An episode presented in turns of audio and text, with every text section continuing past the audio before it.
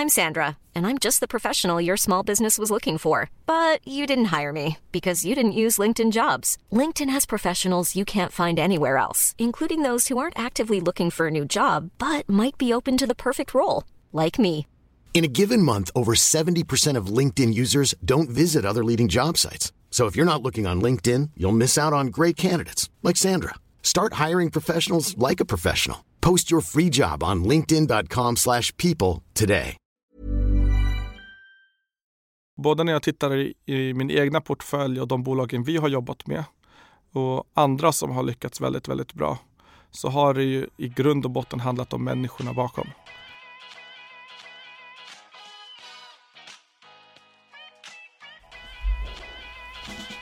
Välkommen till En timme med där jag, Sanja Tigeltia, träffar människor som inspirerar mig. Vi pratar om deras karriärresa, lärdomar, motgångar och helt enkelt självutveckling från ett businessperspektiv. I dagens avsnitt så träffar jag Fedja Porobic och han är ett riktigt proffs inom e-commerce, inom growth och marknadsföring. Han har startat ett företag som heter Probic Group och de hjälper alltså andra företag att växa genom growth hacking och riktigt vass marknadsföring. Han skiljer sig lite från andra byråer eftersom han även investerar i många bolag som han faktiskt sedan hjälper till med marknadsföringen kring. Han har också hjälpt andra bolag att växa såsom Adore, han har jobbat med Xlash och han berättar just hur man ska tänka eh, för att få lönsamhet i sitt bolag.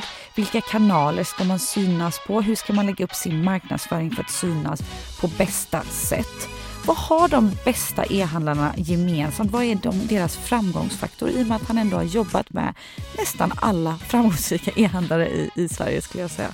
Sjukt spännande och så många bra tips. Välkommen Fedja Porobic. Tack! En landsman. Snällt. Verkligen. Visar sig vi har väldigt liknande bakgrund. Ja, nej men det har vi ju. Och berätta lite, för att uh, du, du, kom ju hit från södra Sverige gissar jag. Ja. För det har man ju på din dialekt. Göteborg.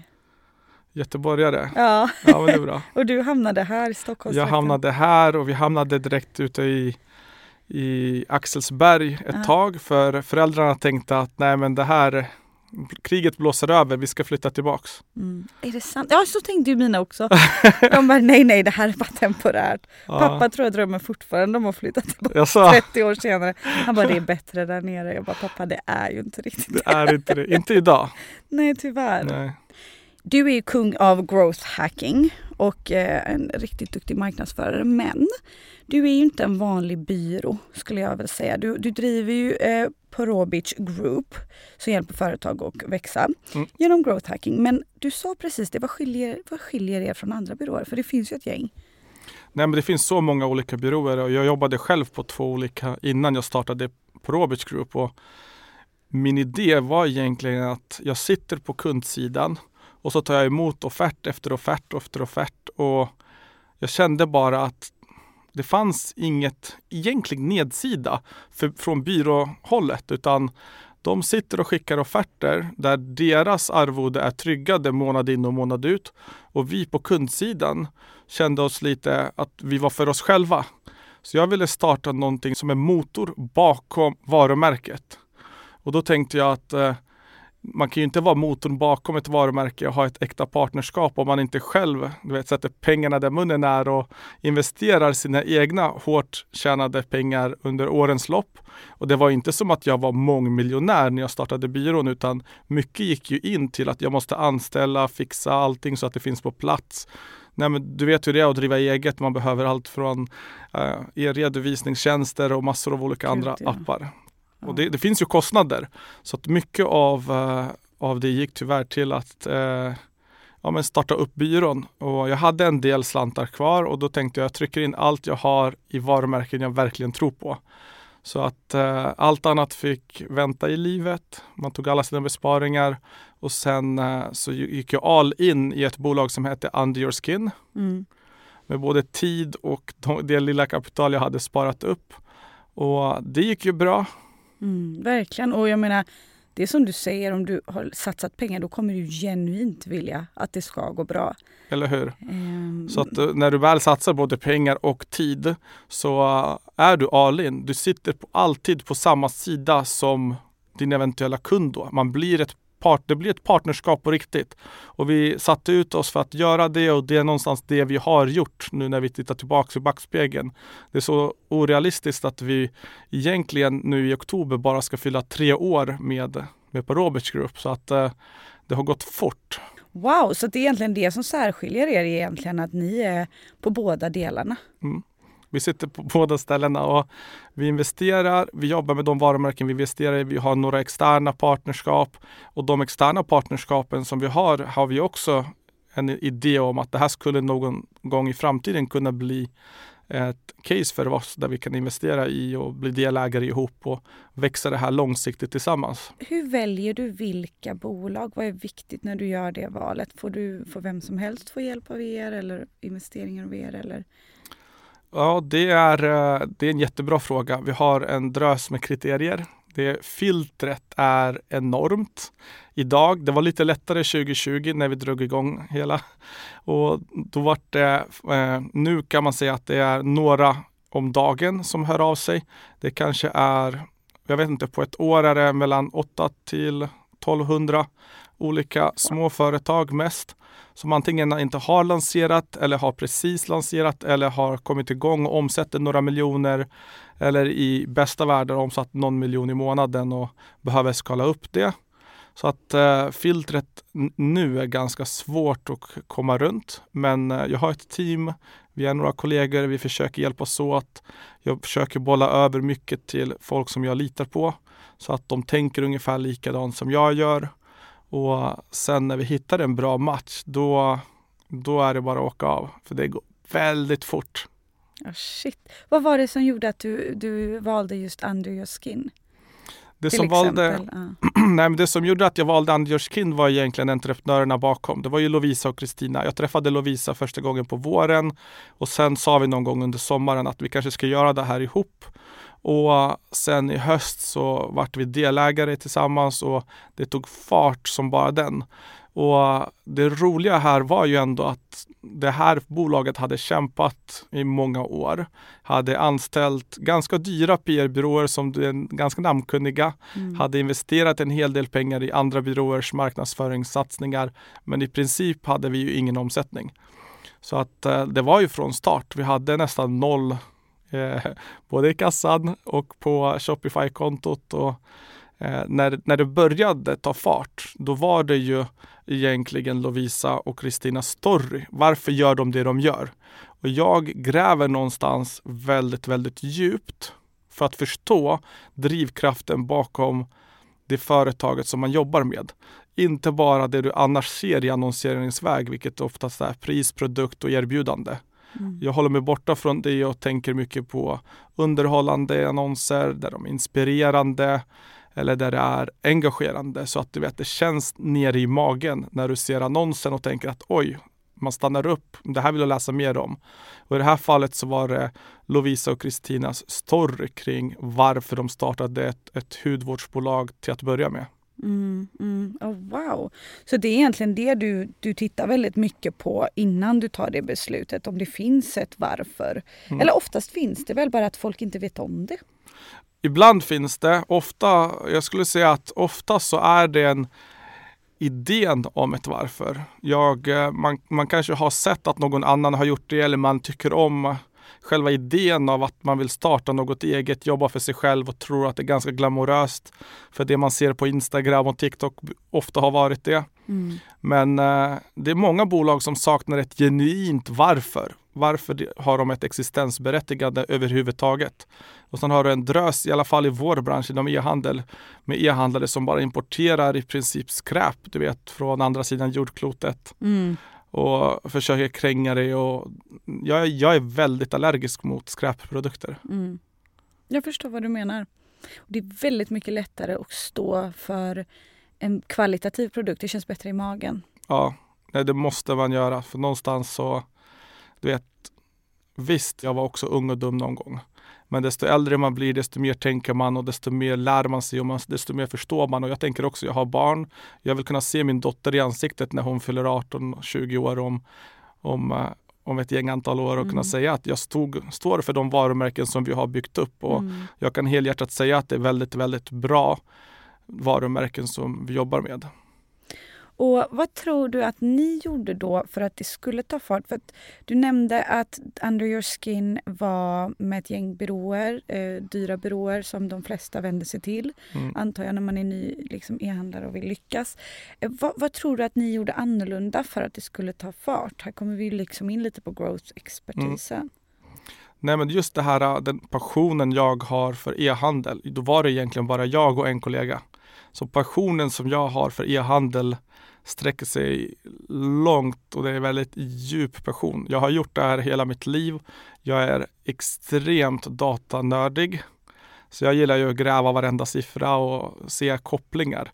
Någonstans är min dolda talang att kunna koppla ihop eh, olika kanaler och ja, men allt som döljer sig bakom fasaden, vilket kan vara varumärket eller det du ser på utsidan på sajten. Och sen skapa en egen uppfattning av hur ska vi göra det här? Och jag var kanske inte den första som såg att det här var en unik story. De hade ju testat det här förr. Men det sättet som jag la upp det på var helt annorlunda för branschen då.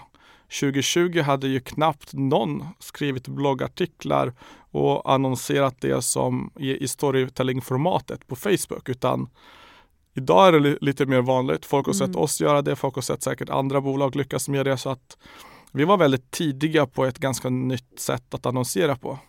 Jag fattar, så ni fick fram storytellingen i ert material? Ja, det var egentligen 100% bara storytelling. Och 100% av det var känslodriven storytelling där vi vill väcka känslor. Oavsett om det är bra, mm. dåliga, positivt, eh, negativt. Det ska vara någonting som väcker någonting där nere i magen så att du vet, det blir som en eh, käftsmäll eller en kickspark när man läser hela annonsen och tänker, då stannar man, stannar man upp och tänker till. Och då gör man ett medvetet val. För många idag, du vet hur det är, man, åker, man är väldigt stressad, småbarnsföräldrar, mitt i livet, man hinner inte och man tänker inte utan man litar på de här stora bolagen som sätter produkterna på hyllan och att det här är bra grejer för det är så världen ser ut, det är så alla andra shoppar idag. Så varför skulle det vara dåligt? Exakt. Jag har blivit en riktigt förbannad konsument det senaste. Jag vet inte om det har gjort med att jag har blivit 30 plus. Men jag känner mig så lurad. Jag är väldigt intresserad av hälsa i form av liksom vad vi stoppar i oss och mm. mycket skit som finns, med GMO i mat och sånt. Mm. Men nu har jag även börjat nörda ner mig vad jag stoppar på, eller liksom på huden. Mm. Och, och att jag tycker också att jag är också så här, jag vill att det ska gå snabbt kunskap, vilket inte är till min fördel. Jag orkar inte ta reda på vad alla de här formlerna betyder. Ja. Det är det, så jag känner så här, vad vet jag, vad är bra, vad är inte bra? Man har ingen aning. Nej, det är, och det är lite... en djungel. Ja. Och det vet vi att det är för 99 procent av allt allt folk. Liksom, så att vi vet att det är en djungel så att vårt jobb är att utbilda slutkonsumenten så att de kan ta ett medvetet val. Sen om det medvetna valet inte hamnar på just oss mm. som varumärke så är det fine så länge de väljer medvetet och har en tanke bakom valet. Jag fattar. Och de här delarna då är väl egentligen, kan du säga, är det framgångsfaktorn till eh, growth, alltså till, till tillväxt? Så growth är ju väldigt brett som område. Ja. När många tänker growth hacking så tänker de oftast på produkt möter marknadsföring och det är oftast inom SaaS-bolag som man anställer growth hackers och growth marknadsförare för man behöver korsfunktionella team som jobbar tillsammans mot ett enda mål, vilket egentligen är tillväxt. Och tillväxt som sådan har ju förändrats under åren. Men i år är ju det som är på alla släpp är ju lönsam tillväxt. Så om man adderar att man vill växa lönsamt så är det lite eh, svårare skulle jag säga, men, men ack så mycket roligare. Alla mina bolag som jag har varit inne i har poängen har varit att vara direkt lönsamma. Inte att vi ska tjäna pengar om tre år eller fem år längre fram. Utan vi ska kunna växa med egna medel. Och eftersom vi inte har några medel, då måste det vara lönsamt. Ja. Och hur fan, hur växer man lönsamt så snabbt? det, det är inte det lättaste men det handlar om att uh, man behöver någonstans tänka utanför boxen, göra annorlunda, gå Ja. mot strömmen. Jag vet att det är klyschigt att säga, men hur många gör det egentligen? Slå upp vilket annonsbibliotek som helst för vilket företag som helst. De absolut största företagen jobbar egentligen på ett ganska likartat sätt. Och det är ju egentligen bara för att man är van att jobba på ett visst traditionellt sätt. Och vi säger digital marknadsföring och vi säger growth hacking, men det egentligen alla menar är att vi jobbar på samma sätt som vi gjorde när vi skapade tv-annonser eller när vi gjorde tv-reklam eller, eller radioreklam för att det har bara förflyttat sig. Mediet har förflyttat sig men själva sättet har blivit densamma. Det jag tänker som en growth hacker är att jag försöker hitta du vet, det lilla annorlunda, det lilla extra och det är case by case. Så inget av mina bolag jobbar på ett identiskt sätt där vi alltid kommer köra Nej. storytelling. Utan storytelling är visst en komponent i tillväxt och i annonsering eller på sajten för att bygga tillit men Mm. det är absolut inte allt. Ja, för precis. För det beror på vad, vad, vad bolagets why är. Mm. Hur du kan börja gräva i det och paketera det så att det antagligen blir, blir det. För det funkar, jag förstår vad du menar. Mm. Och jag märkte det väldigt mycket. PR är ju lite annorlunda men, men ändå samma. Ju- När jag gjorde annorlunda bara vilka jag bjöd in till events för hästens. Mm. När jag bjöd in inredare i USA istället för influencers. Helt annan grej. Ett, de var jätteglada och Mm. smickrade. Det är de som tog beslut till vilka rika människor sängval. Så då blev det också en försäljning. Alltså så här, Mm. Och att ingen hade riktigt gjort så eftersom att alla ville ha influencers eller press. Men alla bjöd ju dem. Och det var ju rent av att vi inte var så stora där och då. Så jag var tvungen att titta liksom outside the box. För annars ville ingen komma. Men det blev så jävla mycket bättre. Så jag bara, Men det. Jag vet inte om det var medvetet eller om det var att vi har inga pengar så det är så här vi gör. Men det vart ju bra till Ja. slut och det är ju ett growth hack i sig. Exakt.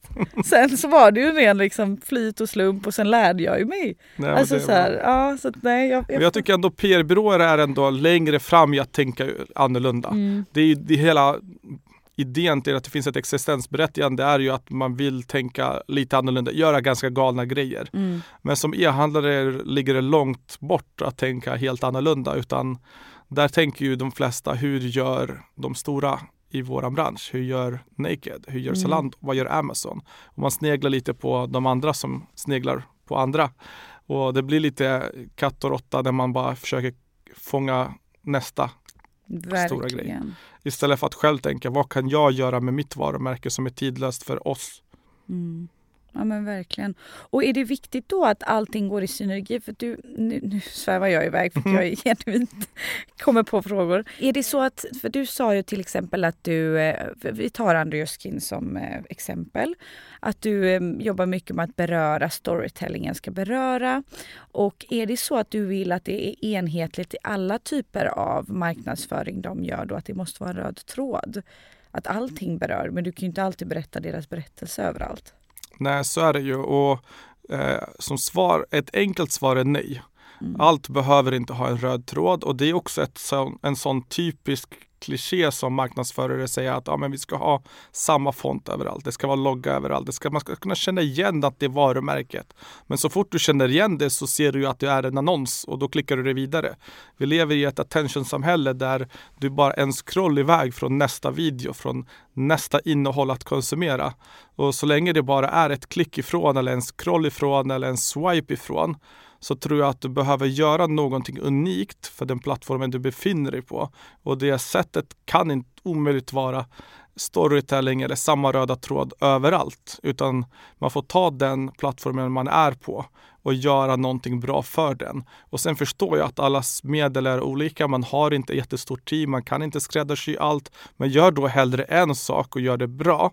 Och sen dubblar du upp på den saken och gör det ännu bättre än att nu ska jag sprida mig för att alla pratar om att man ska göra TikTok-annonser eller alla pratar om att vi ska göra influencermarknadsföring. Jag har inte de resurserna, jag har inte den tiden så då blir det ganska halvdant. Mm, jag köper helt det du säger. Det, det leder mig in på hur ska man tänka tycker du när man väljer eh, kanaler att synas på och, och, och hur ska man liksom lägga upp sin marknadsföring för att synas på, på bäst sätt? Borde man vara överallt? Borde man inte? Det är en också bred fråga. Allt handlar om både resurser och vilken nisch man är i. Om man jobbar med e-handel så absolut. Kan du och har Mm. resurser för det så finns det ju en poäng i att finnas på flera platser. För du får alltid de lättaste kunderna först. Så om du kollar på hur AI attraherar kunder via Metas plattform, Facebook och Instagram och Messenger så vill den ju ta de enklaste kunderna till din sajt. De som är närmast att konvertera. Samma sätt vill TikTok göra det på Pinterest, Snapchat. Du har olika format att synas på. Men har man inte resurserna då är det ju bättre att satsa på de plattformar där man tror att ens kunder är på. Och jobbar jag med inredning då är det inte alls självklart att jag skulle gå på Meta och Facebook och Instagram. Även om det är en större publik där så behöver det inte betyda att den är mer konverteringsvänlig än vad Pinterest skulle vara per krona. Sen kanske den absolut är det någon gång när man skalar upp. Men hade jag börjat eller har varit ett litet varumärke så hade jag tittat på vart befinner sig min målgrupp. Och ibland kanske det är på Reddit. Mm. Ja men verkligen, så intressant. Vad, vad ser du liksom är de största utmaningarna som e-handlare har idag? Och liksom hur, hur, hur ska man tackla dem? Idag är det ju definitivt lönsamhet. Mm. Många har haft VC-pengar och externt kapital tar ju slut när det externa kapitalet drar i handbromsen eller slutar öppna upp kranen och då måste man snabbt ställa om till lönsamhet. Så idag är ju det någonting som jag vet att alla varumärken diskuterar. Hur växer vi? Och hur gör vi det utan att bekosta lönsamheten? Och det är svårt, det är inte lätt för vi har varit ganska vana med att det ska vara fri frakt. Det ska vara fria returer. Stora jättar har satt standarder och vi har varit tvungna att anpassa oss. Och vi vet ju hur dyr frakttiden har blivit. Dieselpriserna är ju up to the roof nu. Det är ju hur dyrt som helst egentligen och, och det har blivit dyrare och dyrare. Kronan har försvagats. Vi är mycket svagare position 2023 än vad vi var förra året. Så att eh, vi har egentligen all motvind mot oss. Så att lönsamheten är det är enkelt att snacka om det så här i ganska så här sköna fåtöljer i ett poddrum. Men i grund och botten så handlar det om att man måste räkna på varje rad och sätta in allting i tydliga exceller och komma fram till hur vi når dit enklast. Och en av sakerna som de flesta brukar tänka på är att men då antingen drar vi ner på konsulter eller så drar vi ner på marknadsföring och så är vi lönsamma igen. Och det är absolut en kortsiktig lösning. Och jag älskar när bolag tänker så för då tänker jag bara att nu finns det marknadsandelar att ta. Mm, exakt, Priserna har syns de blivit mindre. de syns mindre, vi syns mer. Vi kan få mer för pengarna så att uh, fortsätt tänka så. Ja men exakt, då kan man gasa om man har möjlighet. Precis. Så att uh, har man en bra affärsmodell så kan man ju gasa. Och det är, det är klart att det är lättare att vara lönsam när du äger hela marginalen själv. När det vill säga att du tillverkar, du har, du har tillverkningen själv, du har patent eller du har formulan. Eh, du har hela ledet fram till slutkonsumenten. Så då är det ju enkelt att säga att vi kan ha högre marginal. Men är man en multibrand eller har en marknadsplats så behöver man ta tillvara på sina egna styrkor, vilket är att man har ganska låga kostnader för annonsering. Ett, va- ett varumärke kan annonsera och utklassa en multibrand på sociala medier och det är där man ska ta för sig. Man ska inte vara rädd för att spendera pengar egentligen. Mm. Ja, ja, för det är egentligen då- marknadsföringen är som viktigast. Mm. Innan man tror att man ska, eller så här, man, man drar ner på den men då, det leder väl också till att försäljningen avtar. Ja, oftast tar den avtar den snabbt. Men ibland kan du se att oj, försäljningen har inte avtagit. Men det är ju för att folk kanske redan har sparat annonser, de har varit inne, du har stor å- det är andel återkommande kund. Men på sikt så påverkar det alltid försäljningen. Och vad är liksom den röda tråden som du ser är framgångsfaktorn bland de e-handlare som har lyckats väldigt bra? Både när jag tittar i, i min egna portfölj och de bolagen vi har jobbat med och andra som har lyckats väldigt, väldigt bra så har det ju i grund och botten handlat om människorna bakom. Du kan ha hur bra produkt som helst men den produkten behöver också komma ut till marknaden och få synlighet och få folk att klicka och köper. Och sen helst ska de tycka om produkten och berätta om den för sina vänner och familj. Då har man lyckats väldigt, väldigt bra. Har man en stickiness i sin produkt och det är egentligen det steg två, att produkten måste sitta. Har man en bra stickiness. Är det det, det stickiness betyder? Ja, att eh, du måste ha en, en product market fit. Ja. Kanske du har hört. Mm. Och, så att eh, du har någonting som folk verkligen vill ha. Då är det ju enklare och mer tacksamt att jobba med marknadsföringen som egentligen är den sista delen. Och det är klart att eh, du har säkert också varit med om det att du kan sälja ja, men, träd till en skog eller pengar till en bank och att det kommer funka. Men det är kortsiktigt tänkande utan det måste vara bra produkt som genuint är bra för målgruppen i grund och botten. Mm. Annars så är det bara kortsiktigt och det är det vi ser med massa dropshippingbolag eller kinesiska sajter som säljer till Sverige. Och när de gör det så är det bara profit nu och sen förhoppningsvis profit nu om de ens har det. Mm. Och sen dör det ut rätt fort. Ja, jag är helt med på vad du menar. Mm. Nu är det en liten side, sidefråga här men Mm. jag blev också nyfiken för att du sa att du tyckte det var så kul att gräva ner dig i siffrorna bakom. Eh, att det liksom där intresset och det tror jag inte många riktigt gör. Mm. Eh, vad, vad är det du tittar på då? Vad är det du tycker är spännande och intressant? Är det beteendemönster? Där de, eller liksom vad, berätta. Nej, men beteendemönster är ett jättebra ord för det. Ja. Jag älskar beteendepsykologi Ja. och det är egentligen som sagt det är människan som handlar bakom skärmen. Så att vi vill ju förstå hur har den här människan hittat till oss? Hur rör den sig på sajten? Vad gör att den återkommer till oss? Och när vi har förstått de sakerna, då kan vi effektivisera genom hela tratten. Och då kan vi också skapa, reverse engineera fler av den typen av kund. Så jag försöker tratta ner någonstans, vilka är våra hundra bästa kunder? Vilka är våra champions? De fanbärarna som går ut och pratar om varumärket till sina vänner och familj. De som kommer tillbaka gång på gång på gång. Hur kom de till sajten? Hur kom de till oss? Hur hittade de oss? Kan vi göra mer av den aktiviteten? Och då ser man snabbt att det är ju få människor som hittar till oss via en kampanj eller en rabattkod som sen blir de här championsen som bär varumärket framåt. Utan det kan ha varit en rekommendation, det kan ha varit en annons som väckte känslor.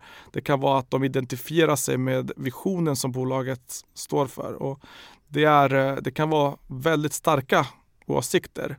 Men det som det inte är, det är att de kom via en Black Friday-kampanj.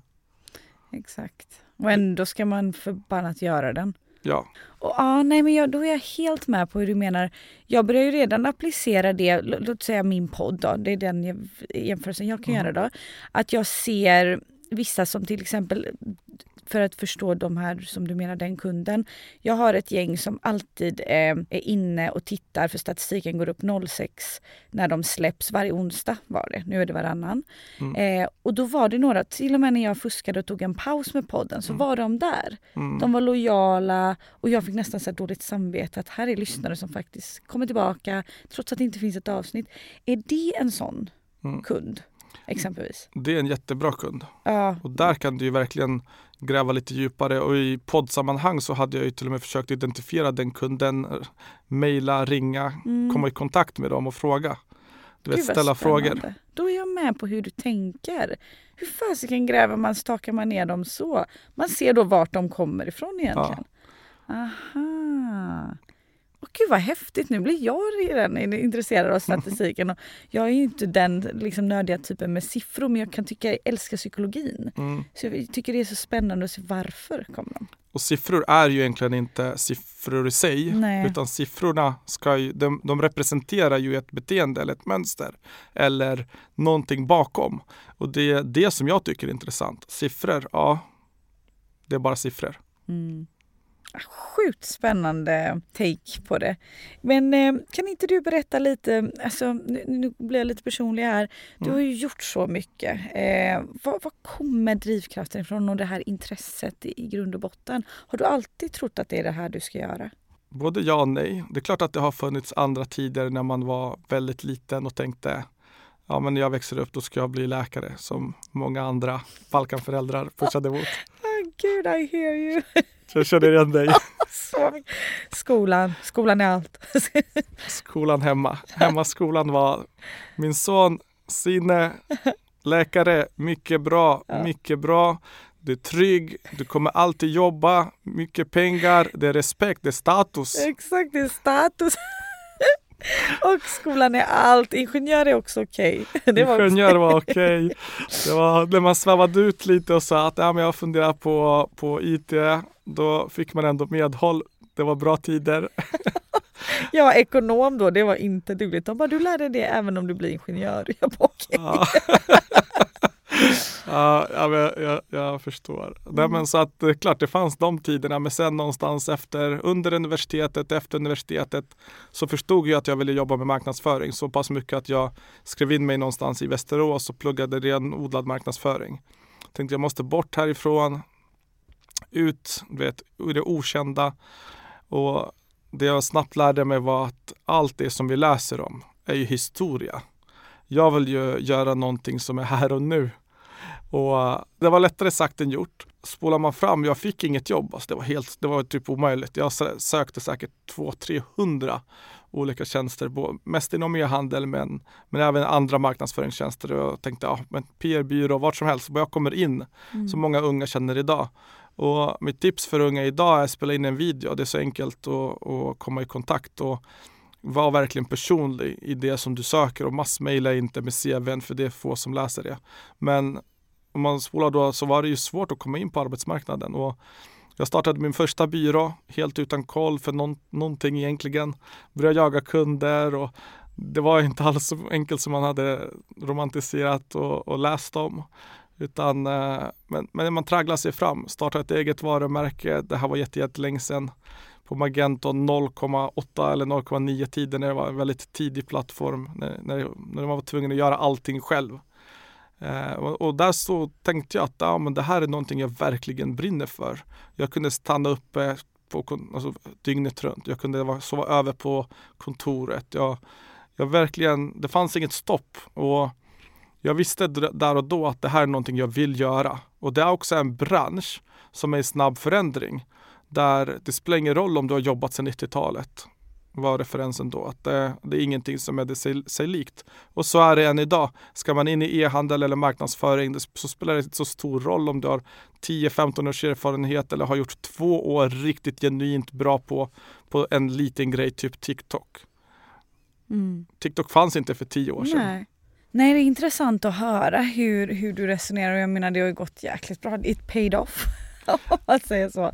Är det något case du är riktigt stolt över, så, så där du har känt att wow, där du har vuxit som fasiken, där du gärna skryter om? Vi har ju pratat om Anders Kin så jag kommer ja. inte nämna det. Nej, förutom det, det då. Jag är alltid stoltast över mitt senaste case. Och just nu är det senaste caset Västerbottens såpa. Okej. Okay. Och det är jag så stolt över. Inte för att jag personligen har suttit och rattat och gjort allting själv. Utan för att en person då, Stefania i det här fallet, som var med när vi startade byrån från början. Allra, allra från början. Har gjort det utan mig. Och det är då man tänker att shit, jag har gjort någonting rätt. Mm. Du vet, man har ens företag blir som en liten, ett litet barn. Och det känns någonstans som att ens barn växer upp när man ser att de tar egna beslut, de gör det så bra, jag hade gjort exakt likadant. De gör det till och med bättre än vad jag hade gjort. Ja, det är målbilden. Det är målbilden. Så då blir man så stolt. Ah, vad kul! Ah, vad roligt och då vet du också att då är det inte bara du, du, du och din tid. För det är mm. någonstans precious time. Du är ju barn som du säger. Man vill någonstans också leva ett nice liv mm. eh, och inte jobba ihjäl sig. Mm. Och då kräver man ju att man kan lita på andra men det är nästan det svåraste. Ja, det är det svåraste. Människor är eh, Människor är som människor är. Mm. Ni har alla era egna erfarenheter av det mm. här och det är svårt för att eh, tillit tar lång tid att bygga upp och rasera ganska fort. Mm. Så att det gäller att ta tillvara på den tiden som, som man har skapat upp här tillsammans och göra någonting så bra som man kan utav det. Och jag är eh, långt ifrån du vet, den här serieentreprenören som man läser om eller som annars hörs i många poddar. Jag är familjefarsa. Jag, eh, jag stannar hemma. Jag har blockat måndagar från möten för att jag ska kunna vara mer tillgänglig och mer närvarande. Men jag försöker du vet släppa telefonen, vara med barnen, hämta barnen, lämna barnen. Jag vill vara med under hela deras resa. Mm. Jag vill att de ska ha en, en pappa som närvarande. Och det är klart att ha, hade företagandet gått bättre om jag bara satsade på det? Ja, kanske. Kanske inte. För att jag tror att just den grejen med att när man har skaffat barn och man har en respektive där hemma och så växer man som person för att man prioriterar tiden helt annorlunda. Innan barn och innan man hade någon annan att dela livet med så var det ju bara en själv. Så att man prioriterade kanske utekvällar, spel eller mm. göra någonting med kompisarna. Och nu prioriterar man helt annorlunda. Du vet, familjen är först mm. och sen har du ditt jobb och det ska rulla på. Ens jobb blir ju som ens eget tredje barn, i det här fallet tre barn. Så det blir som, som det. Så att eh, ja, man växer. Mm. Ja, jag är helt med på det du menar. Eh, trots att jag inte har barn. Men just det här med att någonstans också lita, lita på människor. Det blir som ens bebis. Jag har mm. jättesvårt för, för hela den grejen nu. Kan bara tänka mig att om jag gör det här rätt så hoppas jag att jag gör mammabiten rätt också. Som du sa, det är en första bebis. Och det blir det. men vad ser du för, för liksom, ja, framtidsspaningar inom, eh, inom det här området, inom tillväxt och e-handel och liksom, vad, vad borde man tänka på? det som, är, det som många pratar om just nu är ju AIs framfart. Mm. Och det har du upplevt själv med alla de nya AI-applikationerna och hur smarta de har blivit på så kort tid. Det egentligen är ju inte kort tid. Har man varit och googlat lite så ser man ju att det har ju byggts upp under ganska lång tid. Men sen har det populariserats och blivit mainstream under det senaste året. Och med all rätt med tanke på hur kraftfullt det har blivit på, på den lilla, lilla tiden som det har blivit mainstream. Så att eh, inom e-handel så pratar vi mycket om att man automatiserar mycket med hjälp av AI. Och att inte, man kommer inte byta ut människor mot robotar. Utan man kommer byta ut människor som tar hjälp av robotar mot människor som inte tar hjälp av robotar. Och med robotar menar jag såklart applikationer, AI och hela den, den delen. Och det vi främst tittar på just nu är ju att automatisera kundtjänst så att kunderna får en bättre 360-upplevelse av varumärket. Så att man alltid är tillgänglig och det är svårt att vara som människa. Och där kan man ju i så, så fall ha en människa bakom kundtjänsten men att den människan styr hur de olika chattfunktionerna, mejlfunktionerna, hur man kan komma i kontakt med företaget på de olika vägarna löser sig och att få en bättre upplevelse som slutkonsument.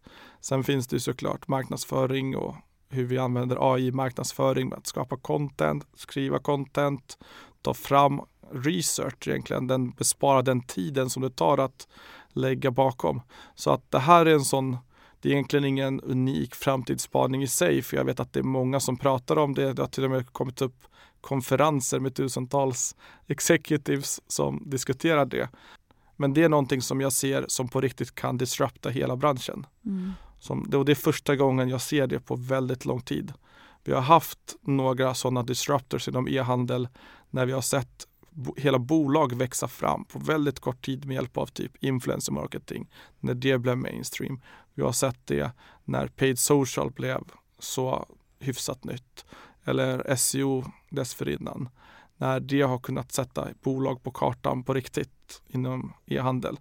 Och det kommer nog ske nu med AI nästa år också. Så att vi kommer se nya bolag skapas med färre människor som sätter ganska stora visioner för hur stort man kan göra någonting med ganska lite arbetskraft där bakom. Ja, det är sjukt spännande. Jag håller med. Jag någonstans titta på utbildning. Alltså vet, jag vill bli duktig på att använda det. Bara för att det ska underlätta lite, spara mig tid. Men det är, det är ganska nytt mm. att vara expert inom. Mm. Um, och helt plötsligt är alla som var experter på exakt. krypto och NFC har helt plötsligt blivit experter på AI. så att man bara säger okej okay, jag måste faktiskt göra det här grundläggande. Ja. Men eh, om du får bara ge några, om man är e-handlare nu mm. eller driver eget och, eh, och eh, vill ha liksom lite några tips om man tampas med, med lönsamhet och man vill, man vill titta på den biten. Vad har du liksom för konkreta tips vad man ska börja göra som en liten checklista? För det kan, det kan man tycka är skönt. Bara, var börjar jag? Det här är ju så individuellt baserat på vart man är i sin företagsresa. Om man precis har startat, om man har lanserat eller om man har fått product market fit, man har funnits ett par år eller man omsätter 50 miljoner redan. Mm. För det räknas ju också som en mindre e-handlare. Så att eh, ett starkt tips är att alltid utgå ifrån bakåt ingenjörskap, alltså reverse engineering. Börja med att titta på vilka är mina bästa kunder? Hur hittade de till oss? Det vi pratade om innan. Mm. Varför? Och sen bakåtsträva så mycket du bara kan. Du har så många svar i din egen data. Jag menar, jag vet inte hur många av våra lyssnare nu som, som vet om det här stora bytet till GA4 nu. Men GA4 har ju möjliggjort en hel del. Och det är klart vi har det tuffare när Apple och, och Google sen eh, gör det svårare att spåra. Men det finns så mycket i ens egen data och datan berättar stories. Man kan vara fastgrävd där nere och verkligen leta reda på det minsta lilla. Men, och mitt tips där är egentligen att ha frågan innan och sen gå och leta efter svaret. Vem är mina bästa kunder? Okej, vi går in och letar. Hur ser kunderna ut? Vi går in och letar. Vi inte bygga personas och sen anpassa marknadsföringen efter det som jag vet att många byråer gör utan verkligen tänka okej, okay, vem är det som handlar? Vem rekommenderar dem? Hur kom de hit? Och sen börjar man leta i det. Hur länge stannar de på sajten? Vart klickar de sig vidare? Från vilka produkter har högst add to cart rate? Varför har de det? Och sen går du in i data och sen löser du de frågorna som man redan på förväg har haft så att man inte känner sig oj nu öppnar jag och så är man förvirrad och så ser man bara massa siffror och så ska det tidsfönster, när ska jag titta, hur ska jag titta, var ska jag titta? Jo men innan man ens börjar där så måste man ju ha frågorna klara för sig. Vad vill du göra?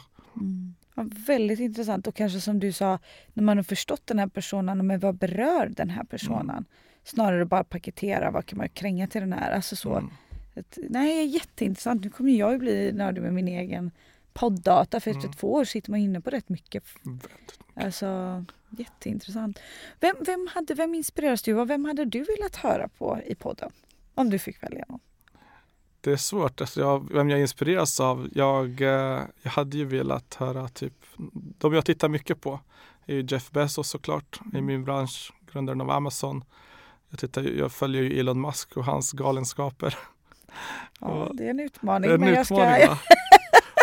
ja, jag gillar att sitta högt. Så att ge mig högt. något att jobba på.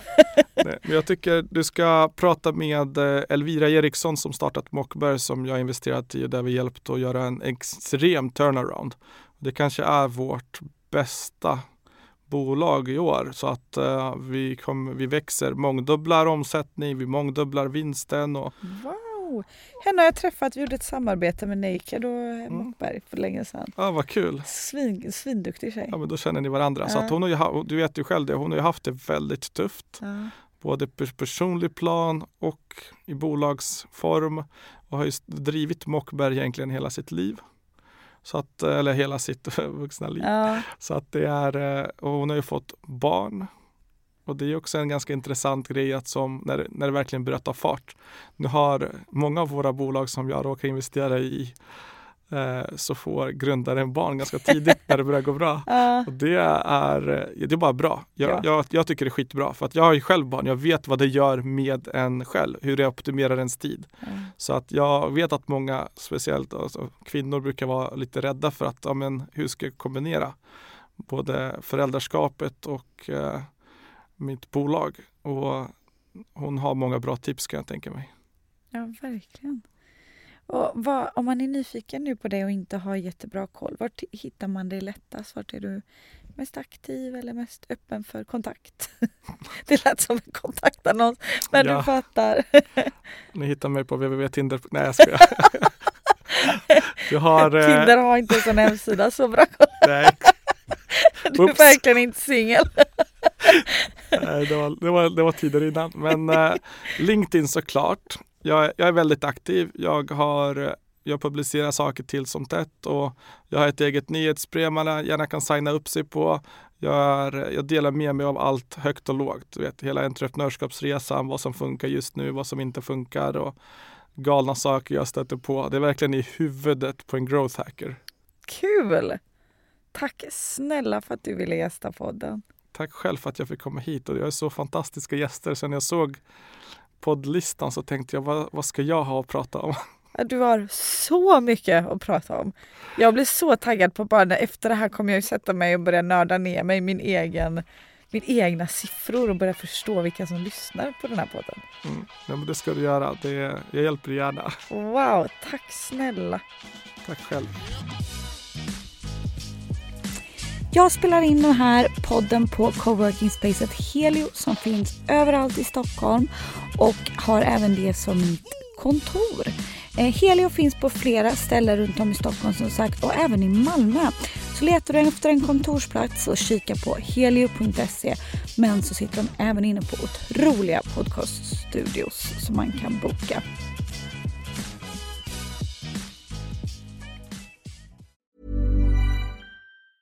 Even when we're on a budget we still deserve nice things. Quince is a place to scoop up stunning high-end goods for 50 to 80% less than similar brands. They have buttery soft cashmere sweaters starting at $50, luxurious Italian leather bags, and so much more. Plus, Quince only works with factories that use safe, ethical, and responsible manufacturing. Get the high-end goods you'll love without the high price tag with Quince. Go to quince.com/style for free shipping and 365 day returns.